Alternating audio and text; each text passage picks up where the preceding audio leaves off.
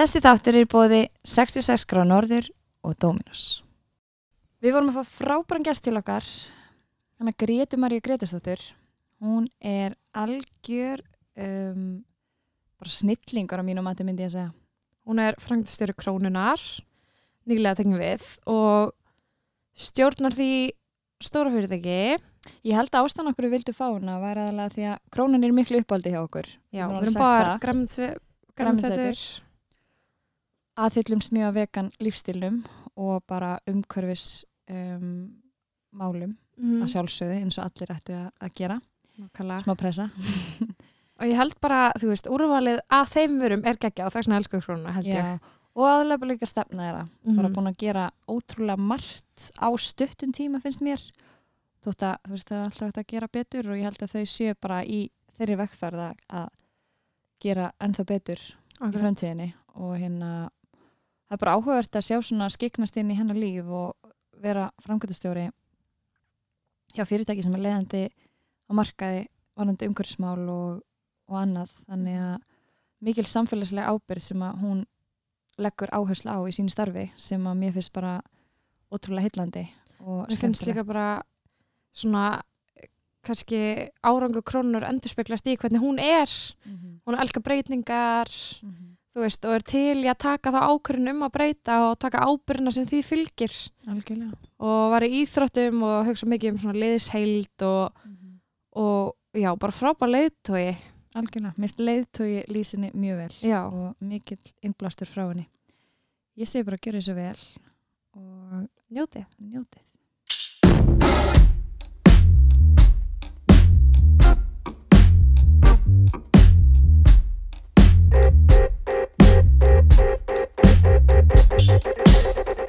Erum velkomin í þáttinn þegar ég er stór. Ég heiti Valur Magnúsdóttir. Og ég er Vakan Jálsatýr. Gestu þáttarins að þessu sinni er Greta Maria Gretastóttir, framkvæmtastjóri Krónunar. Vertu velkomin til okkar. Kæra þakki fyrir, gáman að koma til ykkar. Hvernig hefur það í dag? Ég hefði bara mjög gott. Þú ert búin að vera ekki vinnunni að þessu sinni. Nei, ég er í fæðingarlofi, þannig að ég með þess að lagði mig hérna setjumpartinn. Já, eitthvað sem maður gerir vennilega ekki virkundi. Nei, ég trúi því. Er. Hvernig, hérna, hvernig er svona fara í fæðingarlof þegar maður er gegnir mikilvæg hlutverki í hlutverki í svona stóru fyrirtæki? Já, það er alveg svolítið, hérna, maður kannski ekki alveg í fæðingarorlofi. En maður er alltaf að fylgjast með og það er alltaf eitthvað að koma upp og það er haft samband við mann. En það er líka, auðvitað vill maður, já, eins og segi, frekar að það sé gert heldur en að það sé ekki gert og hérna, sé eitthvað sem við getum það ekki bakkað út úr setna eða eitthvað svo leist. En hérna, svo ég egnaði þess að dóttur, þess að þriða barn og ég átti tvo stráka fyrir, þannig að það var bara mjög ánægilegt. og hún er líka bara, ég veit ekki hvort að maður er orðin svona eldri og afslappari eða hvort að hún skinni bara, þú veist hún eigi að vera svona þægilega góðu mömmu sína. Þannig að það er annað, annað þess að maður er svona, eins og segja, maður er miklu afslappari held ég þegar maður er eldri, eignaspann og þarna, svo er hún bara, gengur rosa vel.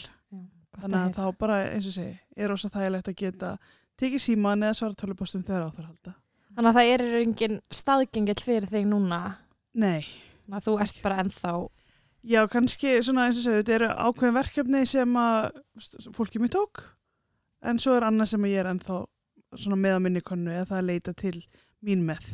Mm Nú heyrir maður svona frá, þú veist, sérstaklega þegar maður talar um þessi svona ljón í veginum sem verða hjá konum í atvinnulífunu og þetta er oftast stærsta ljónið í veginum. Hva, fannstu fyrir einhverjum svona, já, áhyggjum með eitthvað þegar þú þurftir að tilkynna á rólið eða var það bara alveg, Nei, alls ekki. já, Það var bara, þarna, nei, ég fann ekkert fyrir því en það er samt alveg þannig, hvort það sé tilbúið hjá manni sjálfum eða eitthvað þannig, að maður er ekkert að fara í fæðingarulofi í eitt ár. Og svo er þetta náttúrulega svo í bæði eins og ég sagði þá er ég tvo stráka fyrir. Þá tók ég bara fjóra mánu í fæðingarulof með þá báða. En ég held þetta sé rosalega einstaklingsbundi því að maður, eða allavega ég þrýst rosalega á bara orkunni af öðru fólki. Og mér finnst alveg það að ég var búin að vera fjóra mánu heima þá var bara komið fínt.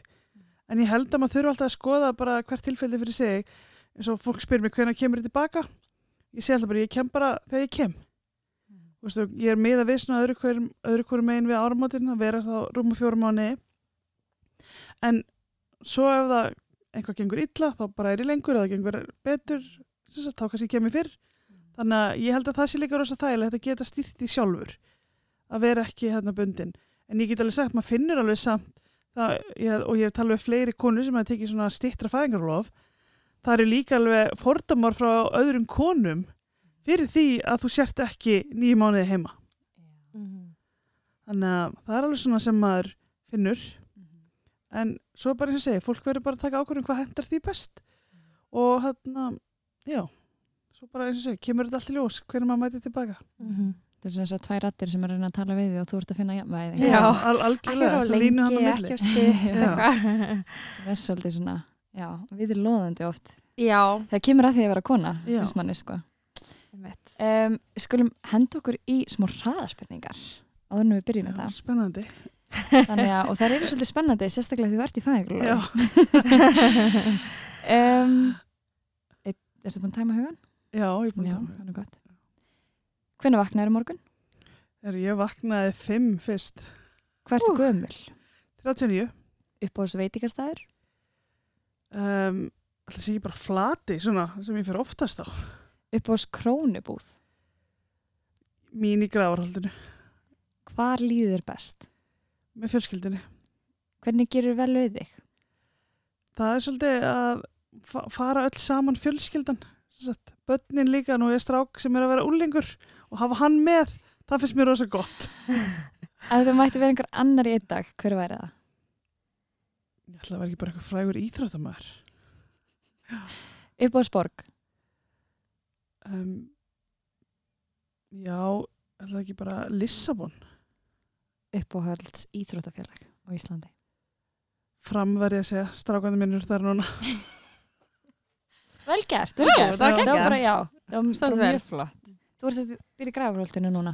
já, ég býi Úlfarsardalunum þarna í svona nýbyggingar hverfi með rosa mikið af bönnum og allt að gerast allir Já. að byggja sér hús Já, geggja. Flati er líka mjög gott. já, Ég trú alveg að hafa sagt það, sko. já, Það er mjög Svona- næst. það er að vinsalast að við förum saman Svona þegar horfið tilbaka á þín fyrstu ár, hvað vildur þú verða þegar þú verið stór?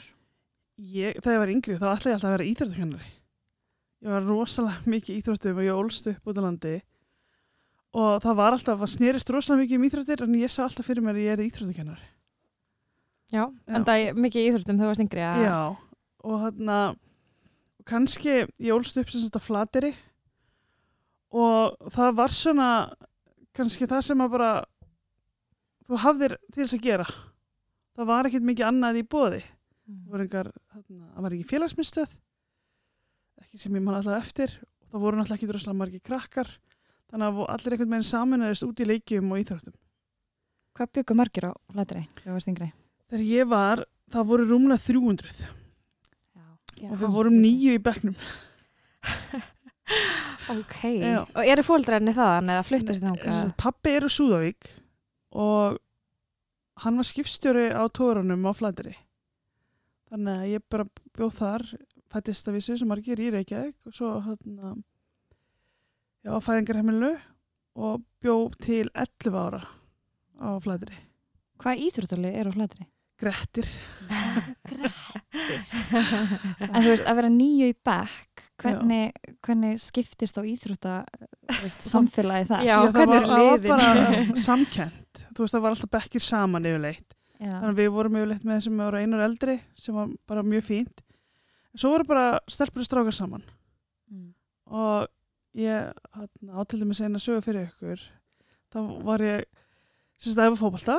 Og það voru eiginlega fótbolti frjálsar og svo kom einn íþróttikennari sem var köruboltakona og hún kendi okkur körubolta þannig að en allavega eitt sumari þá voru við að fara að keppa á fótboltamáti og ég- ég var bara með strákunum í liði.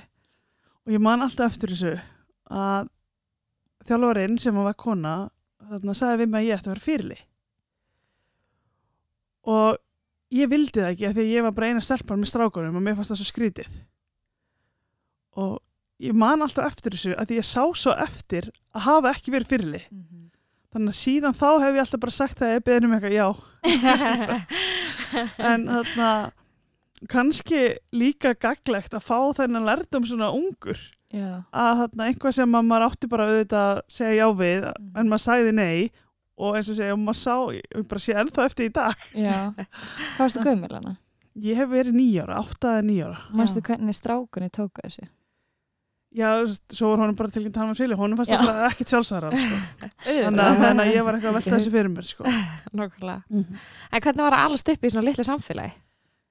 ég held að ég hef bara verið rosalega heppin af því að þegar maður er elst upp í svona lítið sjálf já, samfélagi, þá fær maður að vera rosalega frjáls af því það er ekkit eitthvað að þetta vera komin inn klokkan þetta eða passaði þið á bílunum eða þú bara gast fengið að vera nýr fjöru eða upp í fjalli eða inn í fyrði og það var engin að eitthvað, þú veist, þú mátti ekki gera þetta eða mátti ekki gera hitt, heldur fann maður bara út í því sjálfur. Og það er held ég þarna, já, þetta sjálfstæði sem að kannski börn sem alast upp í Reykjavík og það er svona eins og ég er svo ána að alast upp í svona hverfi sem að er svona eða strákundi mínir er alast upp að það er þetta er svo mikið, þetta er svo ungi fóreldrar og krakkandi fá bara að vera svolítið í hverfinu út um allt það er ekki að passa að þarna ekki gera þetta og það er alveg fullt af byggingasöðum og það, ég held að það sé svona já, það er, það er rosa gott fyrir börnin að geta verið svolítið sjálfstæð Stutt í náttúru sæði Já. líka og alls konar. og ekkert mál þá þú veist, sérst að hjóla eitthvað eins og það segir hérna, eitthvað inn eftir úlarsællinu eða reynisvæðsásnum Mhm. þá er þetta allt í hverfinu. En hvert flyttur þú svo þegar þú ert 11? Flyttur í þá, bæinn? já, þá flýtti ég og fyrir, þá var það stæðsti grunnskólinn á landinu þá fyrir ég seljakörfi og fór ég seljaskóla Ok. Var það ekki Og- viðbrið? Jú, og það er, sko, við vorum hann nýja árgangi og við vorum svona 130 í árgangunum í seljaskóla í fjórum bekkjum, og við vorum rúmlega 30 bekk þannig að það var viðbrið, jú Manstu þetta í fyrsta skóladeginum? Já, ég man alltaf fyrsta skóladeginum þegar ég kom. Man alltaf, mér fannst ég svo astanlega skólatösku með alla aðra. Var svona bleik alveg, muni eftir svona kassalega. Já, já, svona svona. Þannig að það myndi ekki bygglast sko blöðin. Þannig að, já, já, ég man eftir þessu. En bara, mér var, eins og segja, mér var rosa vel tekið og kannski líka kostur að það maður er svona sjálfstæður og hefur auðvitað landi að maður er félagslega sterkur oft. Þannig að ég held að það sé, já, kostur. Svo fór maður náttúrulega bara fljótlega í allar íþróttunar. Og endar í körfunni. já, Það var svona var fyrir valinu já, á mörgum íþróttum. það var sko, ég bara prófa allt, það var úst, náttúrulega fótbolti og ég æfði handbolta alveg líka þangu til álægi var alveg mikið, ég var kannski þrejum æfingum á dag með körfinni, þá var ég sagt í körfu og handbolta alveg á fullu. Og þá hætti ég handboltanum. Og þá var ég samt bara í áttundabæk Wow. en hann að ég sagt þegar við vorum 11 ára þá var haldið mót millir skóla í bregðaltinu og þá var komið og mótið var kynnt og við fengum að koma að æfa okkur í bekknum. Fórum þess að marga stelpur saman á körbáltæðingu og urðum alveg, við vorum í rosa gott lið við unnum alltaf bara alla titla upp alla yngreflokka vorum með frábært þarna, frábæran hóp og það er oft svona þegar bekkurinn er saman eða sami árgangur úr sama skóla og þá bara er þetta svona áhagamál hjá öllum og enginn einhvern veginn heldist úr lestinni og allir voru þarna áfram það var, eins og segi, rosa ég var með frábæran þjálfara fyrsta þjálfara. Og hann var sagt, já, við fengum að okkur fyrir mótið og svo heldum við bara áfram að æfa. Og þá var ég sagt 11 ára.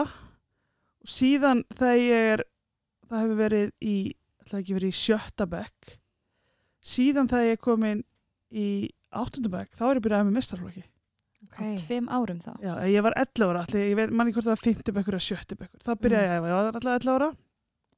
Svo þegar ég komin í áttundabæk, þá var ég svo heppin að hana, þá fór allir mistarflokku kvenna í IR yfir í val, eiginlega bara einu bretti. Herru, það er allir svo sannlega samt að vera með lið, þar sem að voru hérna, sem sagt, svona forsvarsmenninir og fengur svona eldri leikmenn sem að voru hættir og voru kannski ekki alveg frábærir í körfu en voru samt alveg bara ágættisleikmenn að koma tilbaka og þá fekk ég að stíga mín svona fyrstu skref, fekk að vera með Ok, gegn. þannig að það var geggjað og þá fekk ég, var ég hérna valin nefnilegasti leikmaðurinn það var hérna, já, tímbili 1993 til 1994 held ég Þú bara fórst alla leið í körfunni eftir Já. það. Eftir þetta frábæra tækifæri frá þeim sem fóru úr liðinu. já, eins og ég segi það er Takkar þeim í dag. Já, maður segir oft sko og, þetta er bara, maður segir ofta fólki sitt líka í vinninu, þegar það eru breytingar þá er alltaf tækifæri, Algjörlega. þannig að um að gera nýta tækifæri ný breytingum og horfa á þetta jákvætt Mhm. að það bara eins og segja, það gerist alltaf eitthvað gott Mhm. maður bara horfa á þannig Einmitt. Algjörlega. En í hvaða mentaskóla ferðu svo? Herðu, eftir grunnskólan fer ég út í eitt ár til bandaríkjana svona var að spila sem sagt körubólta í high school og kem- ég fór til Pennsylvania í bara smábæ sem heiti Vinsboro og um eitt kynnist þar bara frábæri fólki og fjölskyldi sem ég var hjá í rannþá í sambandi við hana náttúrulega í dag.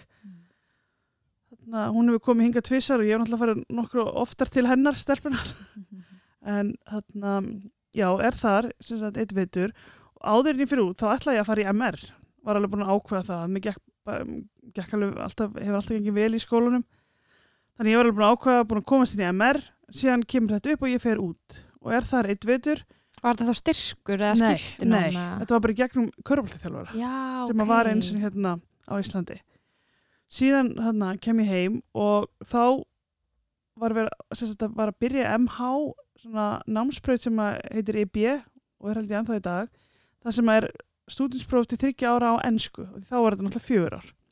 Og þá fer ég MH og ætla mér að klára þreymur árum en hætti svo í EB-náminu og fer yfir á eðlisræðabröð Af og- hverju? Já, það, ég, þarna var ég kannski búin að ákvæða ég er ekki íþróttakennari. Og vissi að ég myndi svona, eins og segja, starffræðin og eðlisfræði lá einhvern veginn svona bara vel fyrir mér.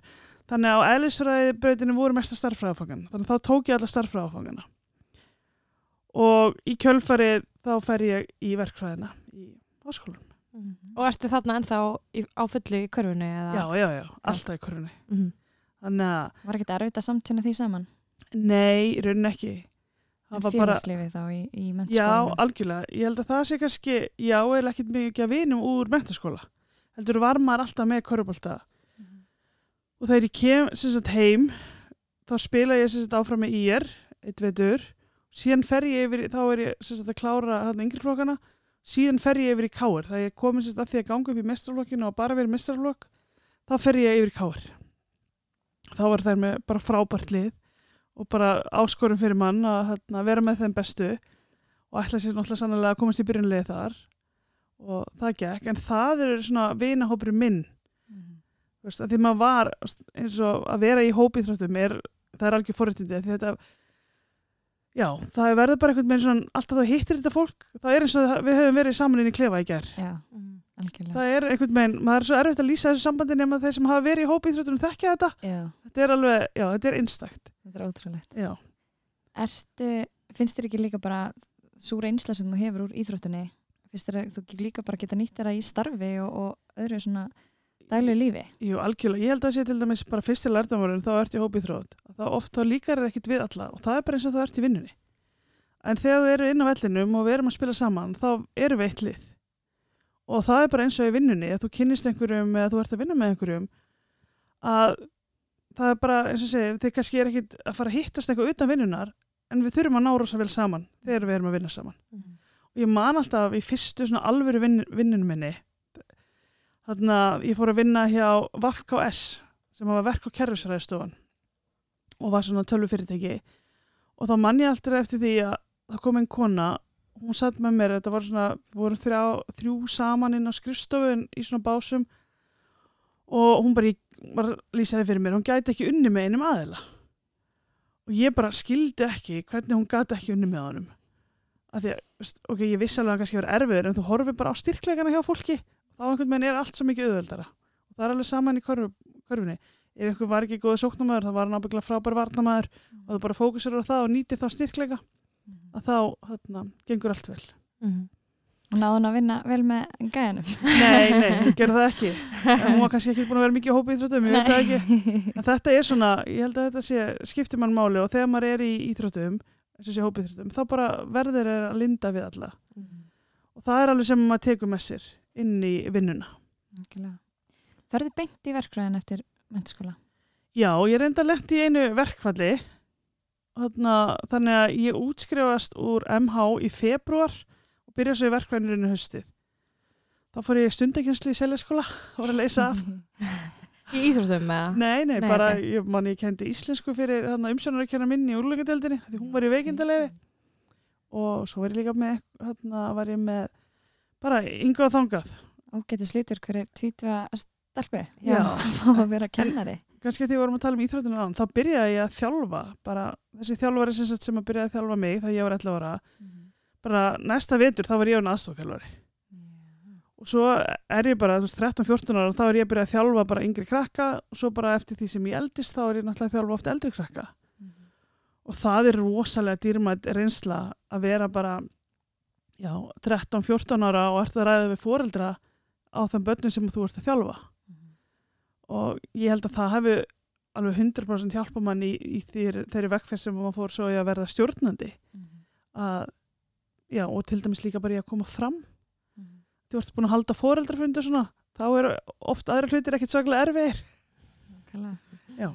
Þjálfara hlutverki er held ég mjög krefindi starf sem að fólk bara treystu sér oftast ekkit alveg í og það er auðvitað góð ástæð fyrir því. Nei, ég held að maður sé með þess að ennþá verra í dag að því að nú eru foreldrarnir rosalega involveraðar í öllu sem að börnin gera og miklu fleiri sem að mæta alltaf á hérna að horfa. Og hví, já, og Já, ég hef alveg hert um þjálfara sem hafa bara gefist upp út af foreldrarnir svo erfiðir hví ég get líka ímynda mér sko, þú veist, náttúrulega samskiptin á milli fóreldra í dag er náttúrulega miklu auðveldari. Miklu. Þannig að það kemur eitthvað upp þá verður allir komni þú veist, maður mann eftir þessum ára yngri að það var kannski svona lengi að berast skilabóðin Já, um en þú veist, ég meina allir Facebook-hópar í dag og annað var Og bara Facebook Messenger og þú veist, ég hef alveg fengið þannig, sko, ég er að þjálfa sjálf líka og svona, veist, ég held að mitt þessi, þessi svona mörk á milli fóreldra og þjálfara eru svolítið að hverfa, sko.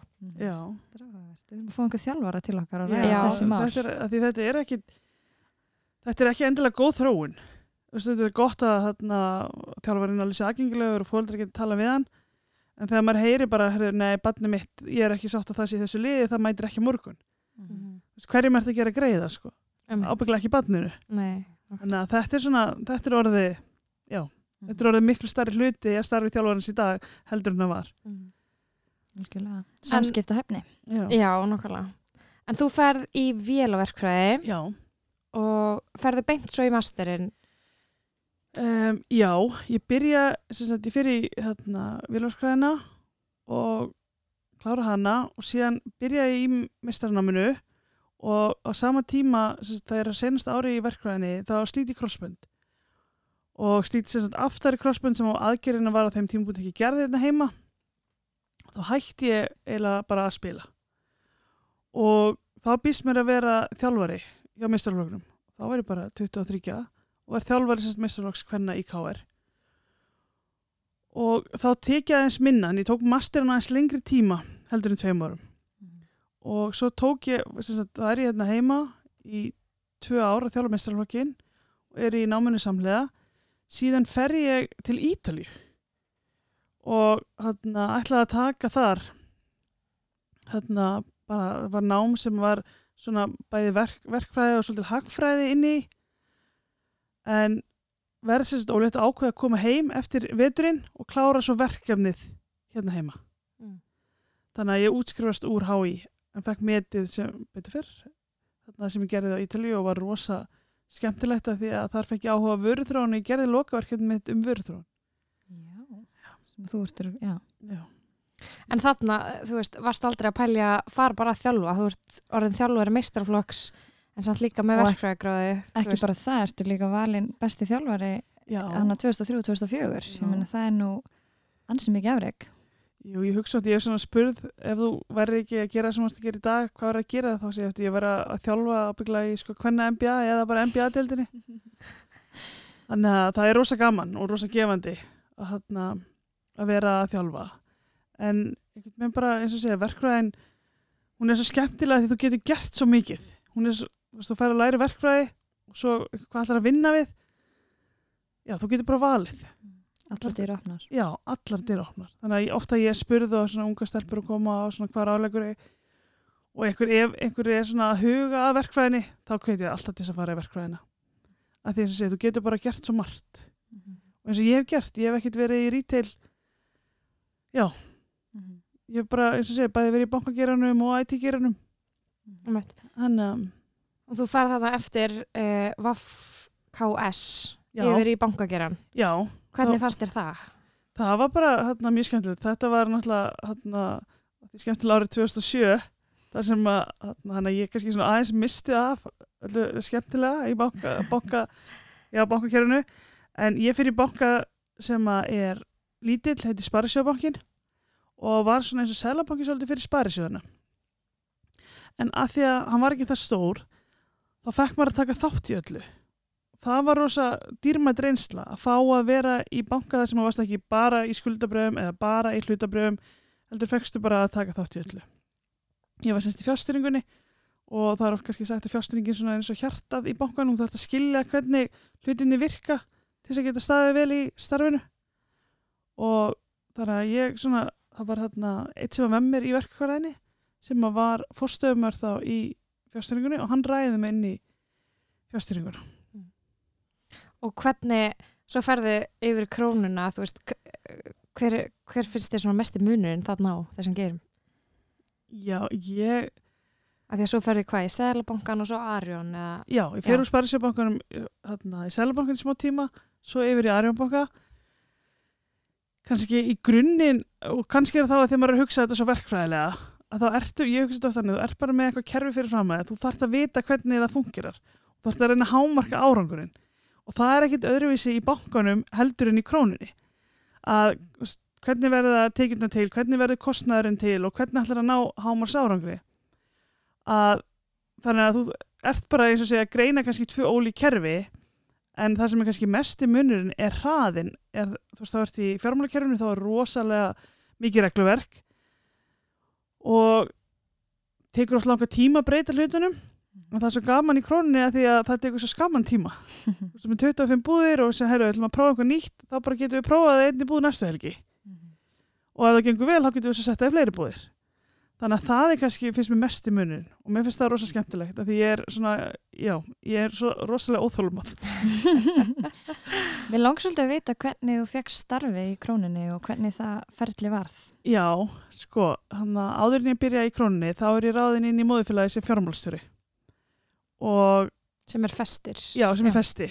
Og hann, sem sagt, sá sem var fórstjóri hann réð mig inn sem fjármálstjóra og ég held að hann hafi alltaf haft það agenda að setja mig í krónuna af því að á þeim tímapunkti var hann búin að vera sagt, að leita að einhverjum í krónuna veit ég líka af því að hann synti því bara sjálfur.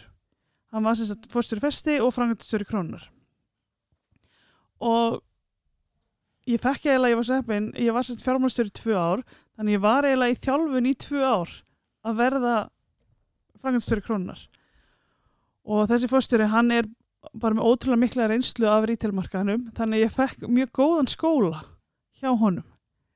En þegar að sagt já, fyrir rúma ári þá verða sagt eigandaskipti á krónunni og á þeim tímapunkti hætti ég sem fjármálstjóri og tek við krónunni. Þannig að en ég get alveg sagt ykkur þegar ég fekk sagt starfi hjá festi á sínum tíma og þá var það þannig að ég bara, já, kannski svona rúm ári á undan áður en ég fekk það starf þá kynist ég frábæri konu sem heitir hérna, Hrund Rudolfsdóttir veit ykkur það er. Hún er fórstjóri Veritas sem að er, já, er með um, já, það eru lífi innflytjandi og eru með vöruhús og bara rosaflott kona, hún var fjármálstjóri Marel líka. Nema hvað, að ég kynntist henni í svona kvennaferð í félagskap sem heiti Leitóauður og þegar að ég var bara, já, var eitthvað svona hópavinn á borði og við lentum bara á sama borði og varum eitthvað að spjalla. Síðan voru allar vinkunum mínar að lesa þarna, sem sagt, í verkfræðinni, hann að Lín inn bókina eftir Sérli Sandberg. Og í henni er talað um mikilvægi mentora. Þannig að ég fór svona þess að velta þessu fyrir mér hver geti verið mentora minn? Og rætta eins meðal, meðal annars við höskuld bankastjóra þarna sem var bankastjórin í Arjón og hann var alveg tilbúin að hjálpa mér en svo datt mér hund í hug og ég hafði bara samband við hennar sendi henni bara tölvupost sæl, ég satt með þér hérna borði hérna og hóp í Vespanu, mannst eftir mér? Þannig að ég var að veltaði fyrir mig hvort þú vildi vera mentor minn. Og ég þekkti hennar ekki neitt. En hérna, hún hefur reynst mér rosalega vel. Og þegar að sem sagt, það að vera að leita að fjármálastjóra hjá festi að það er svo oft erfitt að koma sér í nafnakallið. Það er oft svona störf sem er ekki auglýst og þá þarf einhver að segja ekki það að það sé einhver sem að redda starfinu en hann þarf að koma þér í viðtalið og eftir það getur maður séð um þetta sjálfur. En hún sem sagt bendir á mig alveg bara já, herru, hérna er eitt kandidat sem ég geti haft áhuga að tala við. Og þannig kemst ég í viðtal. Já, Það er mjög. Já. um mentora. Já, getur hann svona sagt okkur hvað, veist, hvað er mentor og, og, og hvað gerir hann og hvernig leitar þú til hans? Eða hennar. já, hans mentorins. Já. sko eins og í mínu tilfelli þá er það bara oft þegar ég hef verið að velta einhverju fyrir mér, einhverju málum eða eitthvað komið upp, þá hef ég leitað til hennar. Um, og það er bara varðandi já, svona ímislegt sem að við kemur vinnunni hún er bara, og svo kom sér náttúrulega því setna að hún hefur verið alveg með fleiri þarna fleiri sem hafa leitað til hennar Þá bara hvernig að díla mál og alls konar. Já, bara svona, þú veist, hún er líka, ertu búin að spá í þessu eða ertu búin að spá í hinnu? Það er alltaf gott að, sérstaklega það sem er eitthvað svona vinnutengt sem að maður getur kannski ekki við þá sem maður ert að vinna með. Að fá einhvern sem að er eins og hún með gríðlega reynslu og bara eins og segja, opnir aðeins augum fyrir fleiri kostum og lætur mann spá í, sko, já, ertu búin að skoða þennan möguleika, skoða hinn möguleika? Þannig að eins og segja mentor sem er svona mikla já, reynslu og svona líka getur sér hlutinu frá mörgum ólíkum sjónarhóttnum það er, já, mjög gott. Og ertu þá bara að ringi hana eða senda henni tölvupóst eða hvernig svona Nei, svo í dag erum náttúrulega orðin meira vinkonur.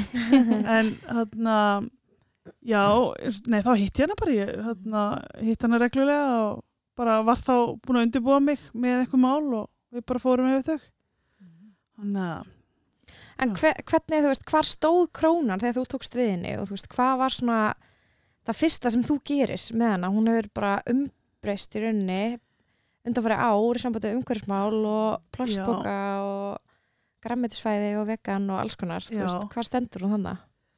Sko, við erum alveg bara á góðum stað á þessum tímapunkti þegar ég tek við. Og Kannski þegar ég er að koma inn í festi, þá eru búin að vera svolítið breytingar. Og ég, þá var ég náttúrulega fjármálastjóri festi, þá er ég sérst fjármálastjóri krónunar. Þannig að ég fekk alveg að taka þátt í þessari vekkferð frá byrjun og það er alveg, þarna, já, eins og þess að áhersla á umhverfismál og vegan eru bara stuðið þetta trend sem við erum búin að sjá gerast. En á sama tíma ætlum við að vera leiðandi maturverslun á Íslandi og ætlum að standa okkur. Og það er svolítið að hlusta á viðskiptavinin þannig að það er svona sem að ég held kannski við hefum gert betur heldur en aðrir að sjá bara hvað viðskiptavinin vil og svo bara framkvæma það. Og það er, ég var spurðið mitt um daginn hvað er DNA krónunar þá segi ég að við þórum að breytast og þórum að þróast. Og það er oft sem að fyrirtæki það er ós erfitt og maður veit það bara alveg fyrir sjálfa sig. Það er ekkit auðvelt að breytast og hvað þá að breyta heilu fyrirtæki en andin í króninu og í hópnum er að við vitum og gerum okkur einn fyrir því að við þurfum alltaf að vera að breytast og þróast að því að samfélagi er að breytast og þróast. Þannig að ef að þú ætlar ekki að selja veganvöru og leggja áslur á þær hvað þá? þá ertu bara með viðskiptavinni sem að fara eitthvað annað. Og það er sama eins og segja með umhverfismálin. Þar segjum við náttúrulega við erum það koma allir að vesli matinn. Þú veist það þurfa allir að fara að vesli matinn.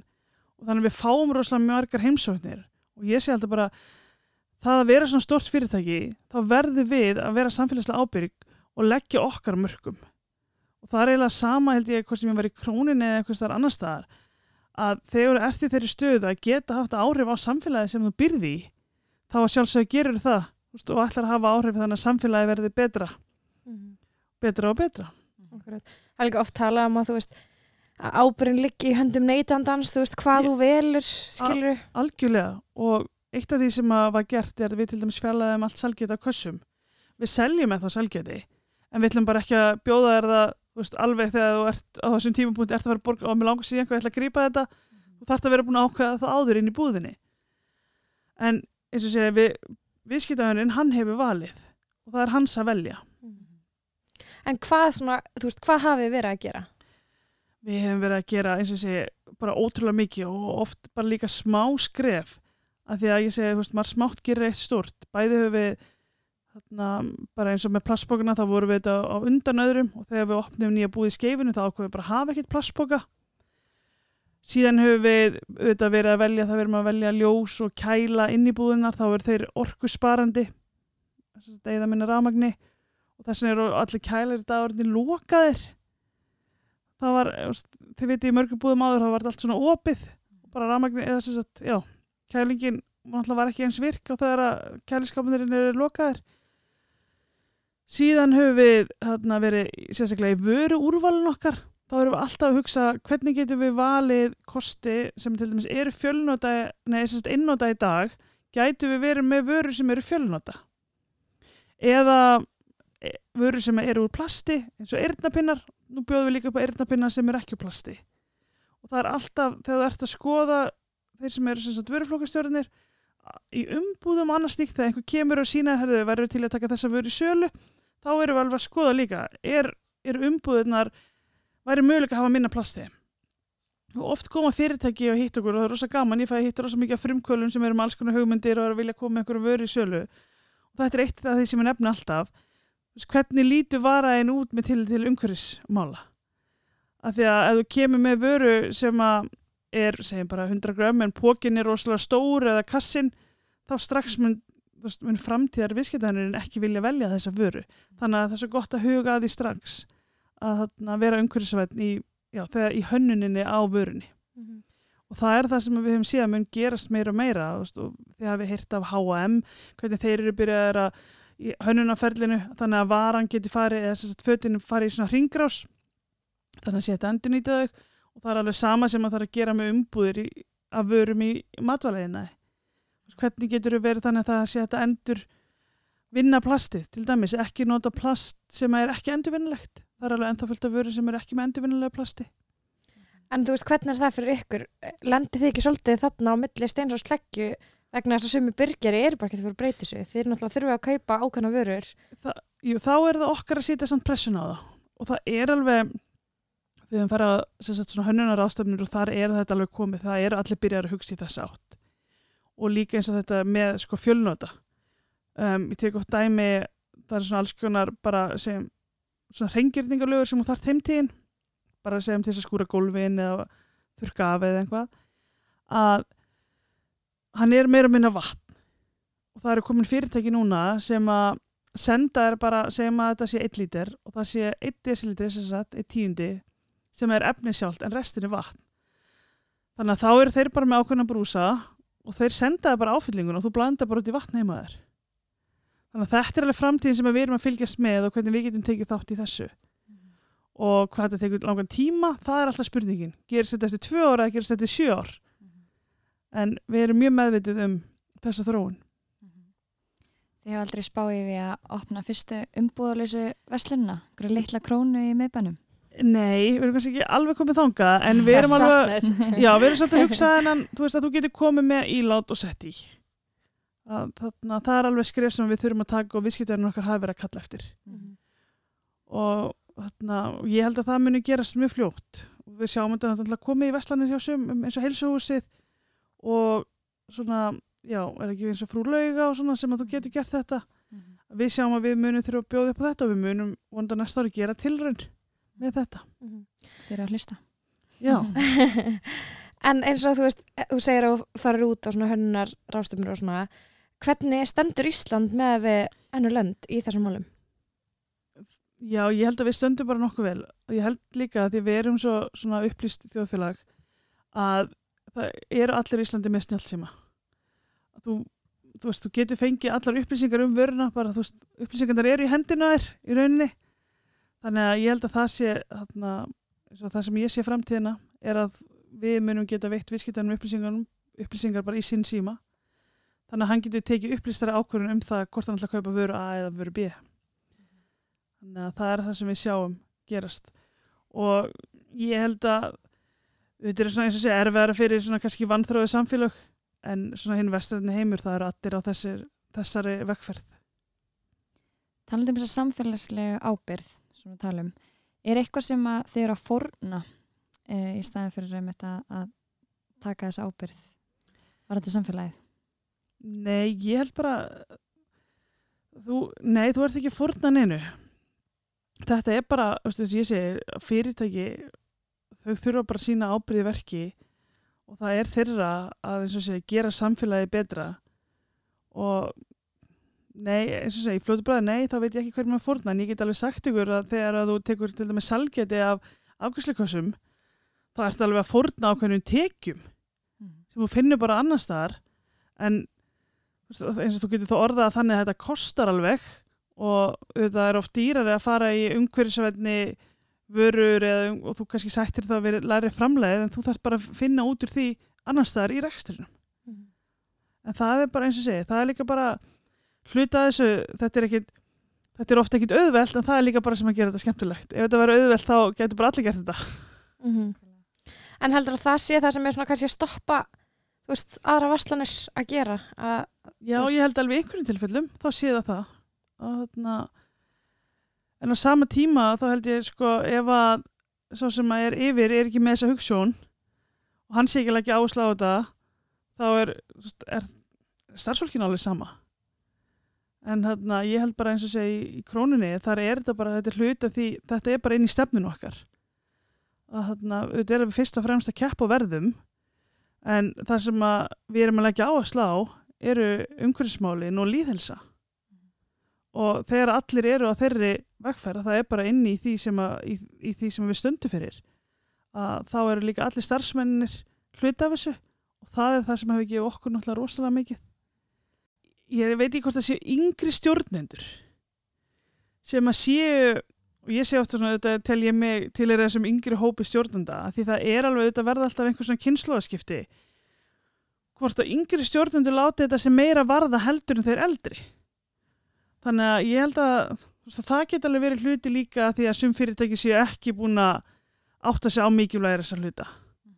Af því við vitum það alveg bara að sko viðskiptavennu framtíðarinn líka bara eins og við hérna inni að við viljum taka upplýsta ákvörðun þegar við erum að vesla og ef að þú ætla bara að halda áfram að gera sömu gömlu hlutinu og ekki breytast þá, eins og ég segi, þá bara er ekkit endilega líklegt að þú verið starfandi eftir 30 ár og Algjörlega. það er bara, við sjáum það með fullta fyrirtækjum hérna, heldur að kyn stjórnanda skiptir máli? Heldur að það er oft verið tengt saman jafnbreytismál og umhverfsmál og, eða, já, feminismál og umhverfsmál heldur að það skiptir máli? Já, ég held allavega sko, ég ætla að vona ekki í umhverfismálunum af því að manni finnst bara allir eigi að vera meðutur um hvað er að gerast þar og við þurfum að grípa til aðgera en í jafnbreytismálunum já, þá held ég alveg að það geti skipt máli. Og maður sé meðvitaður um það að þú veist, að sé með jafn hlutfall kynja í stjórnunastöðum hjá okkur og líka bara, ég oft hugsað þarna, með verslunastjóra að það var eins og starf sem var rosalega kallægt og við hefum verið að breyta þannig að það hendi líka betur konum og að fjölga konum í verslunastjóra stöðum. Og ég er ekkit endilega viss um að það væri áhersla hjá okkurum öðrum sem að væri kalkins sko. þannig að já ég held eins og segja í kynjamálunum að þá gerir það. Það og kannski að því að við hefum náttúrulega bara lent á fleiri veggjum heldur en kallanir en eins og segja ég ætla að vona ekki umhverfismálunum Mm -hmm. en ég er svo sem ekki hugsað þannig en það gæti alveg verið Þeim verið heyrst að- ákveði hugtak sem heitir ecofeminism Já, sem er nákvæmlega. einmitt tengist þessu að þú veist þetta er eitthvað ákveði svona móður eðli í konum sem að, þú veist, veit ekki hvort það sé samfélagslega búið til í okkur eða ekki Mhm. sem að áeimitt að svona, þetta, þessi umhverfismál og annað er að varða okkur meira Mhm. og ég meina við höfum alveg upplegað sjálfar að, að helmingurinn að, þú veist, meiri hluti af þeim sem eru byrjar í græmitisfæði og hugsa um þessi mál, það eru konur sko Já. það er, þetta er bara áhugaverður er sem á að bara ræða sko. sko. maður veit eiginlega ekkert um þetta Já. En með það að tala um að þú veist, konan sé með þetta svona, svona umhyggju eðli, þú veist, Mhm. að þau vilja hérna, einhvern veginn, já, bara sjá um hlutina Já. og ég meina flestir kallmenn sem eru græmastættir eru kæristur vinkonu mína. Já. Þannig að þetta er alveg pæling. Þetta er alveg eitthvað sem við á að skoða sko. Já. og hérna já, þetta er er alveg svolítið svona ég fór í einn áfanga í þessu og þetta er alveg svona eldgamalt hugtak sko. Þetta er alveg síðan þú veist, En tengist það kannski því líka að köllunum finnst bara oft gott að láta taka ákvarðinu fyrir sig. Ég veit það ekki. já, Mögulega, Já. ég veit. Þetta er svona Þannig að eitthvað það finnst ábyrða gott að láta hugsa um sig. nákvæmlega. En svo getur þetta líka að fara út í það að þú veist, það eru eins og með græmiðsætur skilur við að það er eitthvað staðalímynd fyrir kalla þeir þurfa að borða kjöt til vera sterkir og, já, það er og alls konar svona pælingar þú Já, veist sem geta líka haft áhrif. Já, algjörlega. Það var einmitt þessi, ég veit ekki hvort þið fóruð veganrástöfnan sem var núna í senstu viku og þar þarna var nú e- einn að segja frá því hvernig hann nálgast plöntu fæðið. Þannig að já, ég held að sé alltaf að vera fleiri og fleiri. Og það var sem sagt kallmaður já, og íþróttamæður sem er þá líka þá, þessi ímynd sko. Þannig að íþróttamenn þurfa að borða mikið já, Það er allt saman mjög svona, maður getur rætt þetta fram og Já. tilbaka. ég var að horfa á The Já. Game Changer gæra Netflix já. sem er einmitt um Ég- þetta þess vegna er þetta kannski efst. Já, það. Já, ég er, ekki, ég er búin að heyra af því samt. já, mæli með, Já. mjög áhugaverð Hvað hérna, hvað myndur þú segja að svona þinn helsti sigur á þínum starfsverðli so far, þóttu við teljum þig mjög unga? Já, þarna, góð spurning. Ég held kannski að þegar ég fór inn í festi, það hefði verið svona ákveðin sigur að fara yfir í retail-geran. Að því að auðvitað hefði maður geta alveg verið í bankagerarum áfram í langan tíma og ekkit endilega útloka maður farið þangað aftur, ég er ekki að segja það, en það er svona það eru rosa margir sem einhvern veginn festast inn í bankageranum og einu sinni var einn aðli sem var að bjóða mér starf. Og hann var svo hissa að ég hefði farið úr bankagerinu yfir í rítilegin hann var ekki, veist, hann bara hann spurði mig þetta var svona bankamaður. Hann bara spurði mig alveg mörgu sinnum bara hvernig það komið til að ég hefði eiginlega farið yfir í rítilegin úr bankagerinum og ég náttúrulega mér finnst þetta bara alveg sjálfsæði hlutur. Og þetta er náttúrulega bara algengar í dag að þeir sem eru að fara á bankankerfinu er að fara bara í alls konar stöður og þetta er líka eitt af því bara svona það að ég er að útskrifast úr verkfræðinni og þá eru rosalega margir sem eru að fara inn í bankankerfin þannig að já, að maður svona einhvern veginn fór þangað og ég sá aldrei fyrir mér endilega að ég endaði þar af því að eins og ég segja, ég er ekkit endilega vissum að maður endi eitthvað í rítil eftir 30 ár, það er bara þarna, já Þannig að ég held að það sé líka bara að það var ákveðin sigur að fara og bara sína að maður getur alveg farið milli þarna, já, atvinnugreina og samt bara verið og náða árangri. Ég s- heyri það og sé að þú ert ekki hrættu breytingar allavega. Nei, alls. hefur svona, um mitt, bara þorir að, að, að snúa blæðinu við og, og prófa eitthvað nýtt og, og sjá hlutun öðru í sig. Það er líka bara eins og ég segi, í breytingum er alltaf tækifæri og maður getur ákveðið að horfa á þetta sem eitthvað bara rosalega erfitt. Eða, eins og ég segi, maður tekur upp bara poljun og er bara í ákveður og segja, ok, hvernig ætlum við að nýta okkur þessa breytingar sem eru? Og það held ég sé bara svolítið leikillinn. Og það er oft, segjum bara margir sem eru í einhverjum atvinningerum það sem eru svona íþingjandi lög eða eitthvað sem eru að vera að samþykja, að hugsa bara, ok, hvernig ætlum við að nýta okkur þetta? Í staðan fyrir að hugsa að þetta er svo íþingjandi, þetta er svo erfitt og þá bara vera hlutinir ennþá erfiðari. Algjörlega. Já. Políanan er svolítið vannmetinn, sko. Já, Mér finnst alveg að fleiri stjórnættum mætti taka henni já, inn, sko. það bara skiptir mál að vera jákvæður. Mhm. Algjörlega. Já. Einhver reynsla, einhver svona sem að þú hefur lært mikið af, einhver mistök eða... Já, veist, ég ger alveg, veist, eins og ég sé alltaf það er bara rosa dýrmætt að gera mistök. Af því að, og nú ætlum ég að byrja þetta saman við íþróttunar, Mhm. að þegar maður tapar leik, þá fer maður alltaf að pælir í hvað maður gerði rámt og hvað maður getur gert betur. En þegar maður vinnur þá er maður alltaf bara hefur hæ-fæ hérna inn í klefa, allir rosa ánæðir, komum bara aðeins á morgun. En þegar maður gerir mistök, að þá eins og segir, að maður bara talar um þau og segir frá þeim að því maður alls ekki eitthvað að vera skammar sín fyrir að gera mistök. Segja bara frá því, herrið þarna gerum við mistök, þetta var bara rámt og við ætlum að læra því. Því að þannig verður maður betri. Þannig ég held að það sé rosa mikilvægt og þannig kem ég eins og segi við öll mistökin og ég segi oft eins og sögu að þegar ég var að sjá um hérna, viðskipta áallunum hjá Arjónbanka og þá meðal annars hérna, áallununa þá vorum við áallan fyrir eitt árið og þá var kjara samningsbundnar launahekkanir einhvern tímann í mæi eða eitthvað. Og ég glemdi að setja inn veist, þetta að þetta hefur verið bara 2% hækkun í mæi á öll laun. Og svo bara áttaði ég mig á því senna ég bara glemdi að setja inn eins og kaupa eitthvað og ég segi oft bara en, það er alltaf leið að fengi allir kaupakuna en ég veit að ég gerði þessi mistök ekki aftur. Mhm. þannig að það er bara eins og segja þegar eru að gera svona mistök að tala um þau þarna, og hvernig við ætlum að læra þeim. Mhm. og því fleiri sem þú segir henni frá þeim þá læra þeir líka. Þannig að þetta er alveg svona kúltúr og það er oft veist, það er alveg erfitt að koma þessum kúltúr á.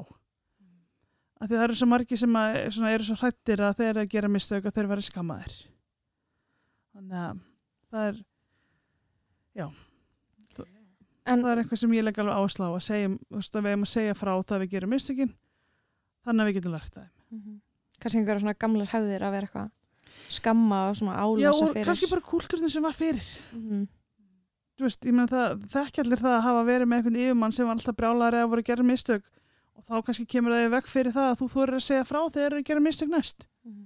af því maður vill ekki vera skammaður. Nákvæmlega. og sé svona uh, ekkert verið en að líða illa í vinnunni líka. Ja, nákvæmlega. Eitthvað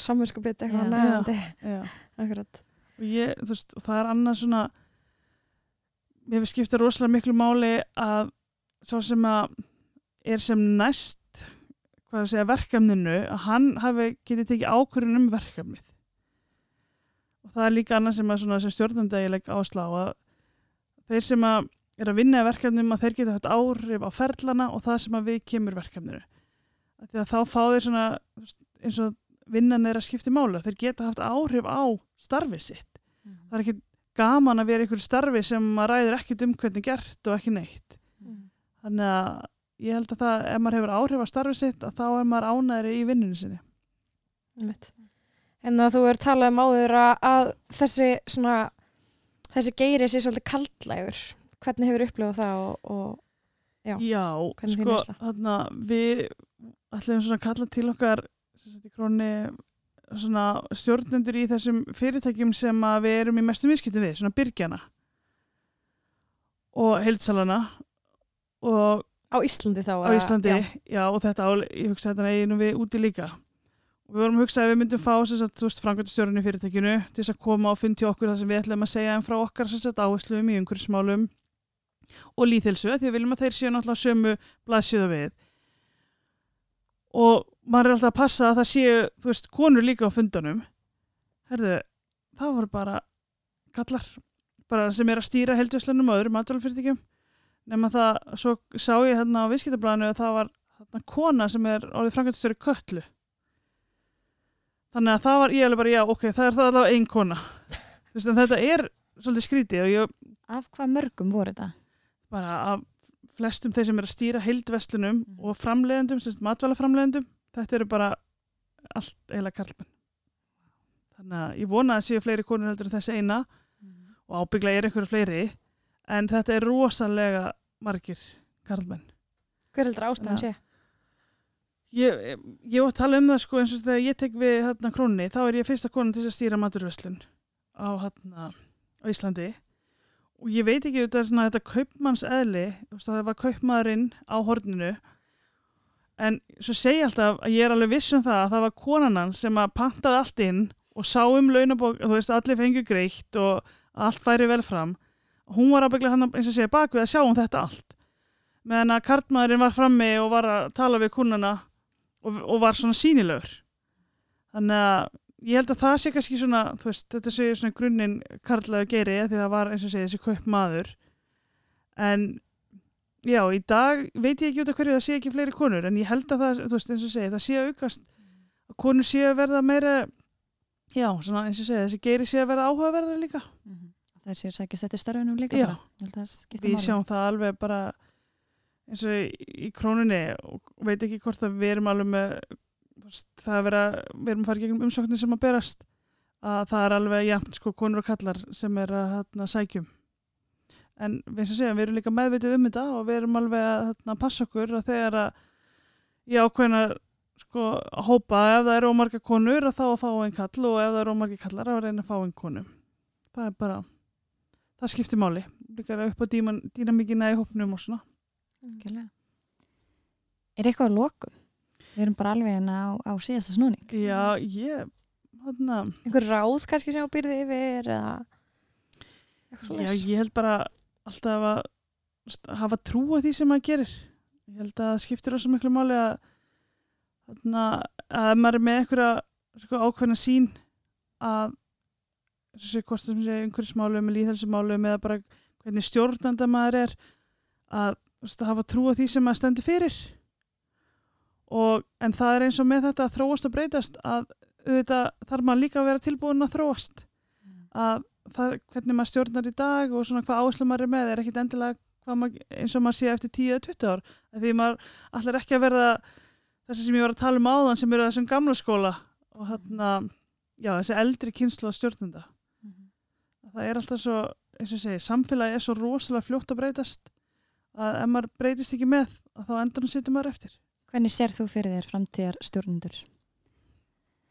Já, ég getur um til dæmis, ég líti á mitt hlutverk, ég veit alveg hvað er það að gera í krónu ég sé oft bara, ég er að stýðja fólki mitt til þess að vaksa veist, sem stjórnandi finnst mér mitt hlutverk vera að setja saman rétt að teimið þannig að við náum árangri. Þannig að veist, það er svona bara eins og í þjálfuninni. Maður er að hjálpa fólki að standa sér betur og stýðja við það sem maður þarf að stýðja við það En Þannig að- Greta, hvað langaði að verða þegar þú voru stór? Já, ég bara, já, það mjög góð spurning.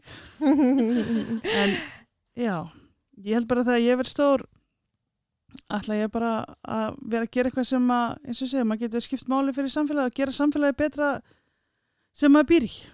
Þannig að börnum manns í framtíðinni og allt samfélagi njóti góðs að því. Þannig að, þannig ég ætla bara í ég að leggja mitt að mörgum til samfélagsins. Rápa lokar, þetta er bara negla. Takk æðislega fyrir að koma, gefa þið tími í þetta og hérna njóttu þess að vera í Já, fæðingarlega. takk Já, fyrir og takk bara fyrir takk fyrir að bjóða mér að gaman að vera að koma til ykkar.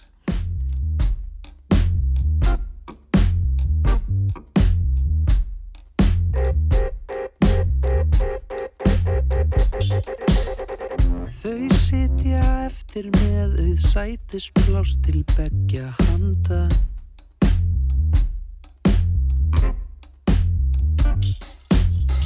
Dreipandi sitt á hvað á drikkjunum sem eftir standa. Alveg sjálfsagt ekki að minnast á Láttu vaða Leistu skjóðu frá. Ég segi engum Svo krifjast hjartans mál Og einhvers andadýr er panda.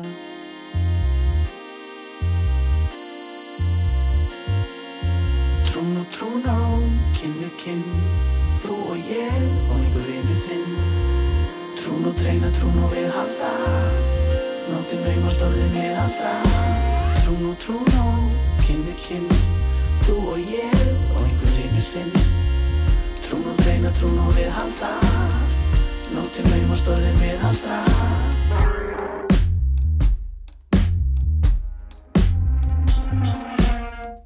Og við svo krumpuð bæð og breytt því það er langt um liðið